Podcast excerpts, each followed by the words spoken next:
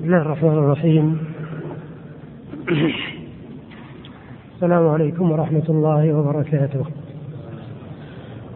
الحمد لله رب العالمين.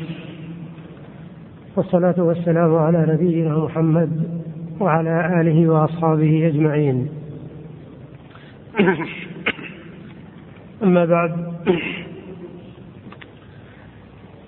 يقول المؤلف رحمه الله تعالى الفصل الثاني في سنة رسول الله صلى الله عليه وسلم. وقسمتها قسمة الكتاب وتزيد عليه بقسمين يختصان بها دون الكتاب الفعل والإقرار على القول والفعل.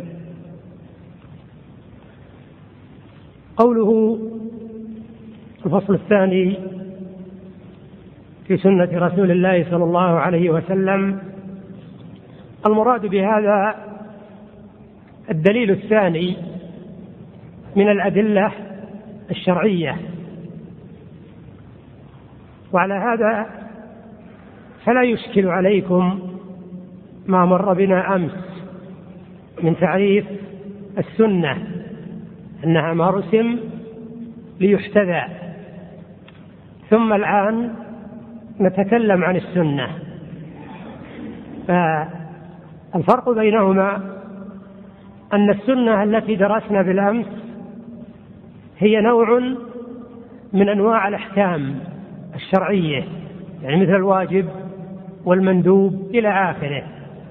ولهذا مر بنا في درس أمس أن المؤلف ذكر السنة في تعداده للأحكام الشرعية.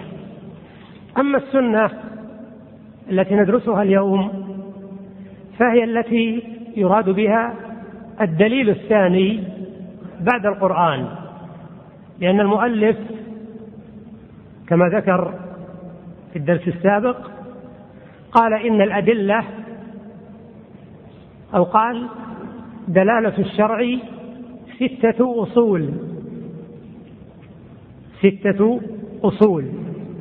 وقد انتهينا من الأصل الأول وهو الكتاب يعني القرآن. والآن نحن في الأصل الثاني وهو السنة. وعلى هذا فسنعرف السنة تعريفا آخر. باعتبار أنها دليل من الأدلة. فنقول السنة ما ورد عن النبي صلى الله عليه وسلم من قول أو فعل أو تقرير. ما ورد عن النبي صلى الله عليه وسلم من قول أو فعل أو تقرير. المؤلف قال قسمتها قسمة الكتاب. إيش يقصد بهذا؟ يقصد إن المباحث اللي عددنا أمس في الكتاب اللي هي العام والخاص نعم والمطلق والمقيد والمجمل إلى آخره. يعني إن المباحث التي ذكرنا أمس في دراستنا للقرآن نفسها تقال في السنة لأن السنة فيها عام فيها خاص فيها مطلق فيها مقيد فيها مجمل فيها مبين إلى آخره. هذا معنى قوله وقسمتها قسمة الكتاب.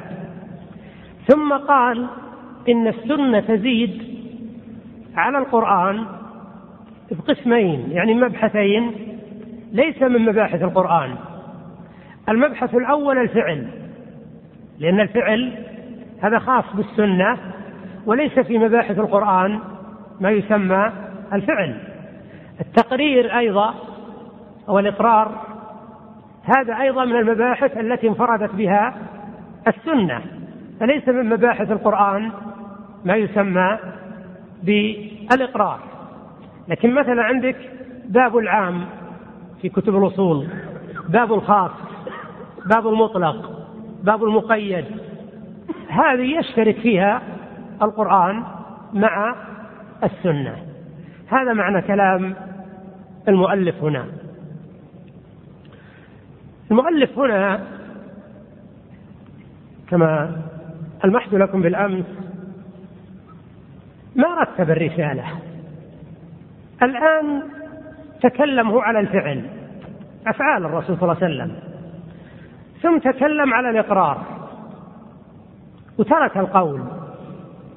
اللي هو مثل عندك المتواتر والآحاد والمرسل والمرفوع والموقوف والمقطوع والبلاغ مباحث علم المصطلح. يعني كان الأولى بالمؤلف أنه يبدأ أولا بالقول ثم يتكلم على الفعل ثم يتكلم على الإقرار.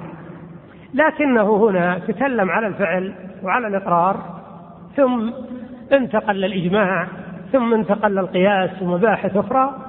وسيأتينا إن شاء الله في درس قادم المباحث المتعلقة بالقول. المباحث المتعلقة بالقول. يقول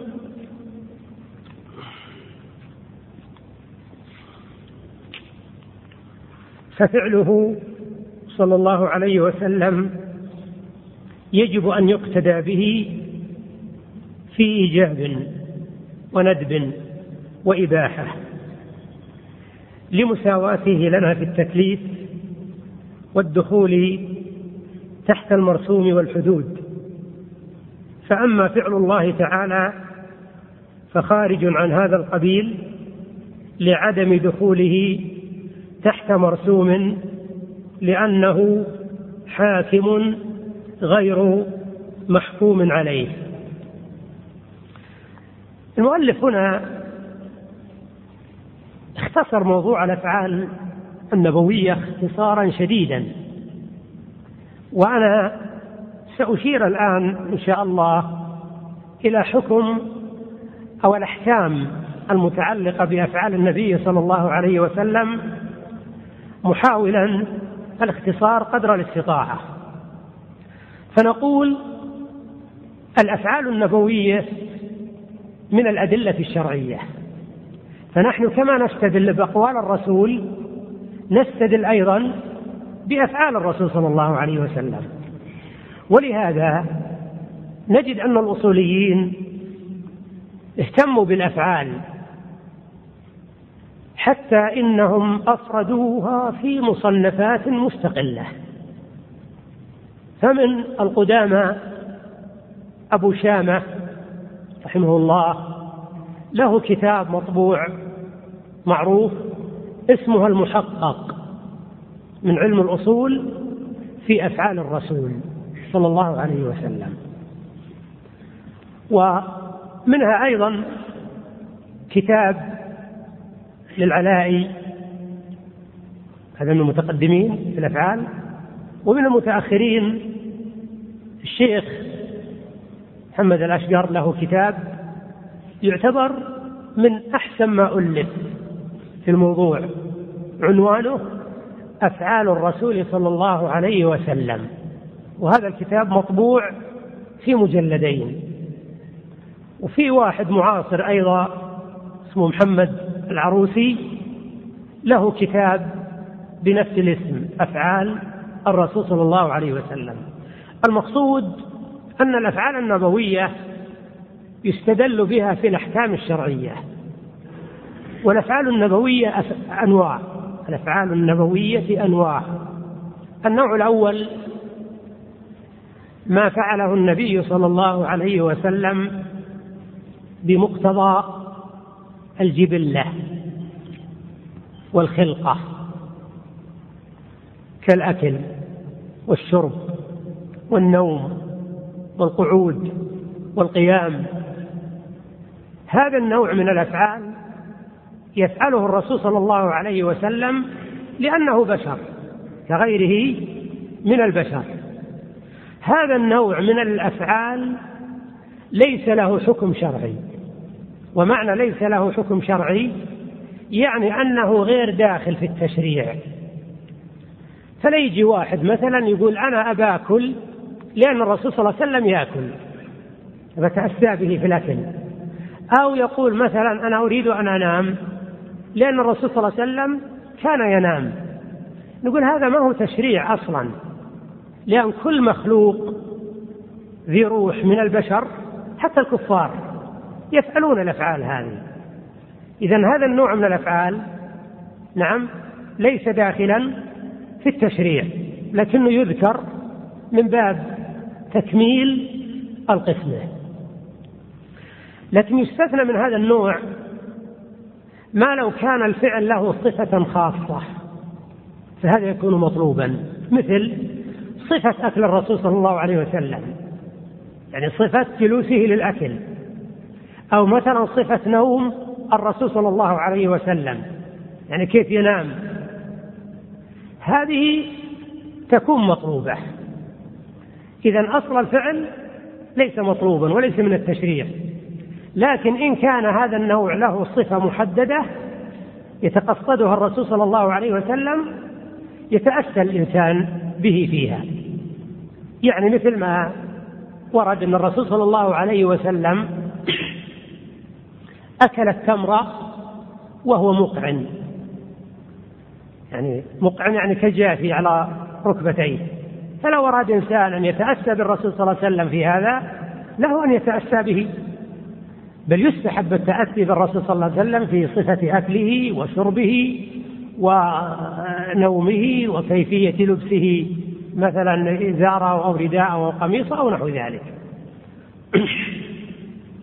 النوع الثاني الأفعال التي ثبت خصوصيتها بالنبي صلى الله عليه وسلم. هذه خاصة به.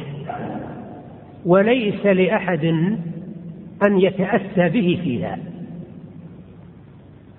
والنبي صلى الله عليه وسلم له خصائص ليست لغيره من الأمة. وقد اهتم العلماء بهذه الخصائص وأفردوها في مصنفات مستقلة مثل كتاب السيوطي خصائص الكبرى ومثل كتاب ابن الملقن غاية السول في خصائص الرسول صلى الله عليه وسلم. يذكرون خصائص الرسول صلى الله عليه وسلم. وإن كان بعض ما يذكرون ينازع فيه فيه خلاف لكن على أي حال الرسول صلى الله عليه وسلم اختص بخصائص ليست لغيره من الأمة مثل الوصال في الصيام. يعني كون الرسول صلى الله عليه وسلم لما يؤذن المغرب ما يفطر ويواصل الليل مع الغد هذا من خصائص الرسول صلى الله عليه وسلم. ولما قال الصحابة له يا رسول الله إنك تواصل؟ قال أنا لست كهيئتكم أنا أبيت عند ربي يطعمني ويسقيني. دل على أن الوصال بالصيام أنه خاص بالرسول صلى الله عليه وسلم. عندك مثلا الزيادة على أربع في الزواج. ليس لأحد من الأمة أن يتزوج أن يجمع بين أكثر من أربع لكن الرسول صلى الله عليه وسلم له أن يزيد على الأربع وقد زاد فعلا. ومنها مثلا النكاح بلفظ الهبة.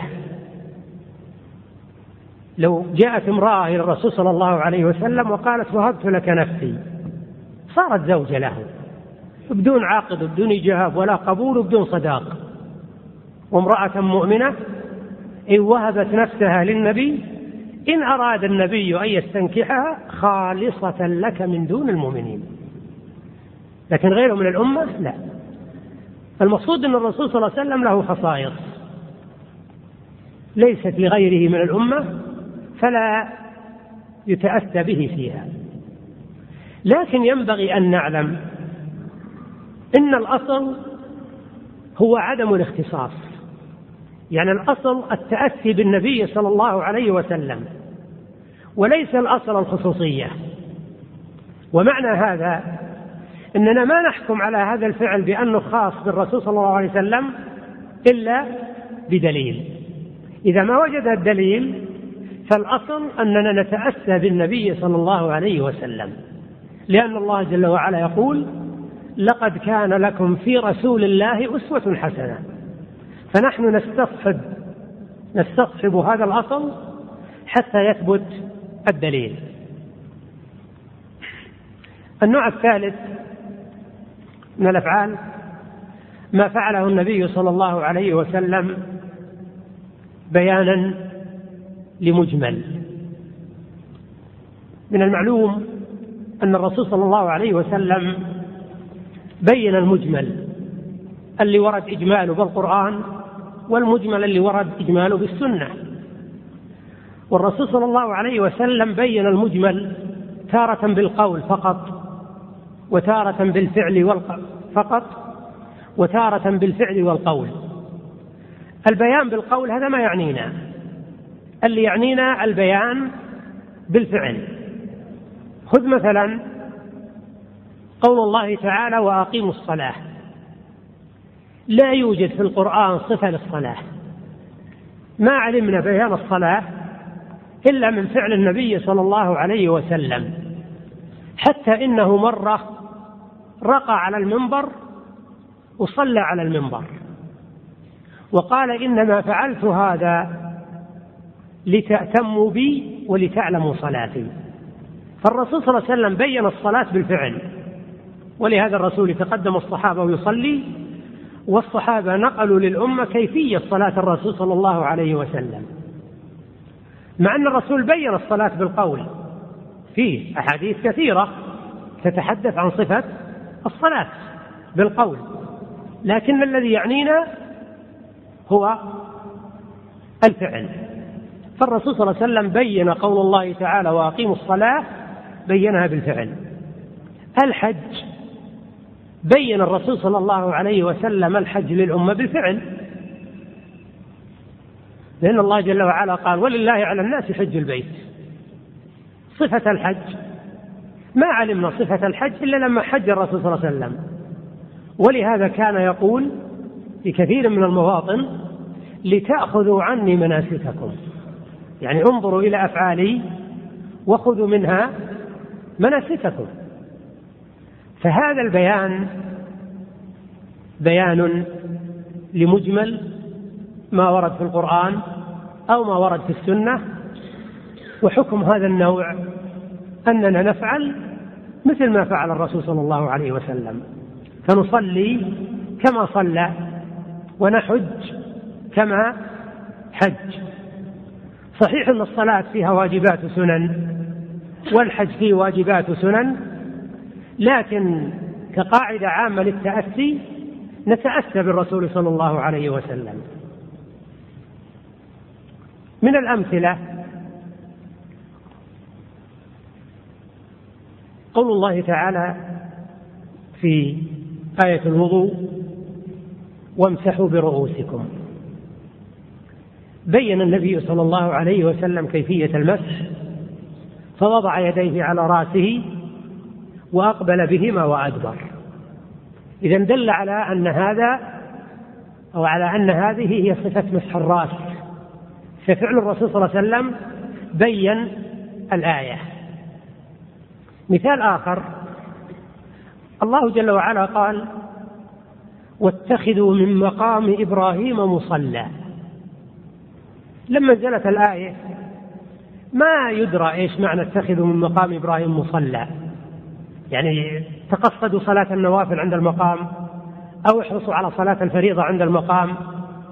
لكن لما قضى الرسول صلى الله عليه وسلم طوافه اتجه إلى المقام وتلا الآية فصلى ركعتي الطواف عند المقام. فدل فعله على أن المراد بقوله واتخذوا من مقام إبراهيم مصلى أن المراد بهذا ركعتا الطواف. وأن السنة أنهما عند المقام. وإنما قلت السنة أنهما عند المقام لأن الحافظ بن حجر رحمه الله نقل إجماع أهل العلم على أن صلاة ركعتي الطواف عند المقام سنة ليست بواجبة. يعني لو إنسان مثلا صلى ركعتي الطواف في أي جهة من جهات المسجد بل بعض الصحابة صلاها خارج المسجد. جاز لأن الصلاة ركعتي الطواف عند المقام ليست من الواجبات إنما هي من السنن. لا نريد يعني أن نطيل في الموضوع خشية أن يطغى على المباحث اللي نحن مطالبون بها. النوع الأخير من الأفعال النبوية وهذا هو اللي اقتصر عليه الشيخ هنا. ما فعله النبي صلى الله عليه وسلم ابتداء. ويسميه الأصوليون الفعل المجرد. ومعنى الفعل المجرد يعني الذي لم يرتبط بقول. أنتم عرفتم مثل الفعل اللي وقع بيانا ما هو فعل مجرد لأنه مربوط بقول يعني بنص مجمل. جاء الفعل لبيانه. لكن الفعل المجرد الذي لم يرتبط بقول. مثل ما ورد في صحيح مسلم أن النبي صلى الله عليه وسلم كان إذا دخل بيته بدأ بالسواك. الرسول صلى الله عليه وسلم إذا دخل البيت أخذ السواك واستاك قال العلماء لأن الرسول صلى الله عليه وسلم سيحادث أهله وسيدن من أهله فناسب أن تكون رائحة فمه طيبة. هذا النوع من الأفعال يسمى الفعل المجرد الذي قصدت به القربة. ومعنى قصدت به القربة يعني قصد به الطاعة. هذا النوع من الأفعال موضع خلاف بين أهل العلم. فمن أهل العلم من قال بالوجوب وهذا اللي مشى عليه المؤلف. ومنهم من قال بالاستحباب ومنهم قال من قال بالإباحة.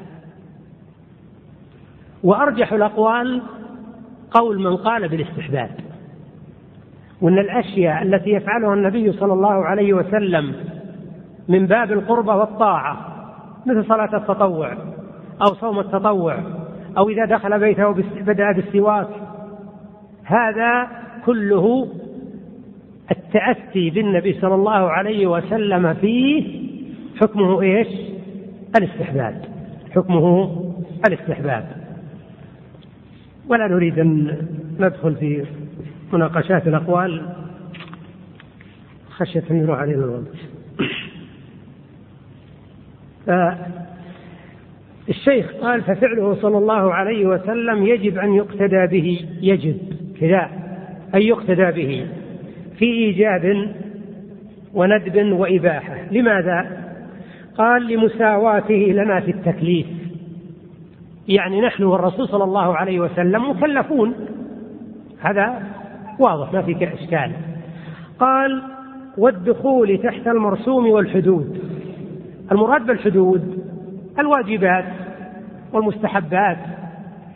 هذا المراد بالحدود. أما المرسوم مر علينا أمس.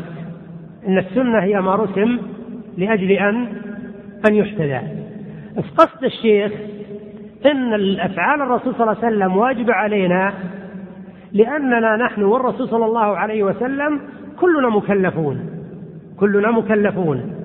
وأن ما ورد من الله تعالى كما ينطبق على الرسول صلى الله عليه وسلم ينطبق أيضا علينا. لكن القول بالوجوب هذا ضعيف. والراجح كما قلت لكم هو الاستحباب.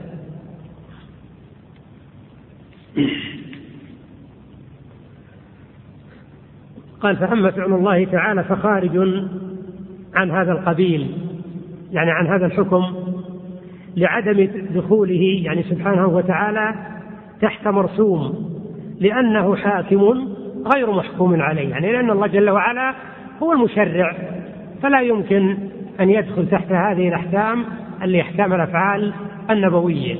بخلاف الرسول صلى الله عليه وسلم فإنه داخل تحت التكليف فيتناوله حكم هذه الأفعال. ثم قال وإقراره صلى الله عليه وسلم على القول والفعل يدل على الإباحة. يعني يدل على إباحة الفعل الذي أقر عليه أو القول الذي أقر عليه. يعني أن الرسول صلى الله عليه وسلم إذا رأى أحد الصحابة يفعل فعلا ولم ينكر عليه دل على الجواز وإذا سمع من بعض الصحابة كلاما ولم ينكر عليه دل على أن مثل هذا الكلام أنه يجوز إذا الإقرار قد يكون كما قال الشيخ إقرار على الفعل أو إقرار على إيه؟ على القول. وتعريف الإقرار هو ترك الإنكار على ما علم به من قول أو فعل. هذا أحسن تعريف للإقرار.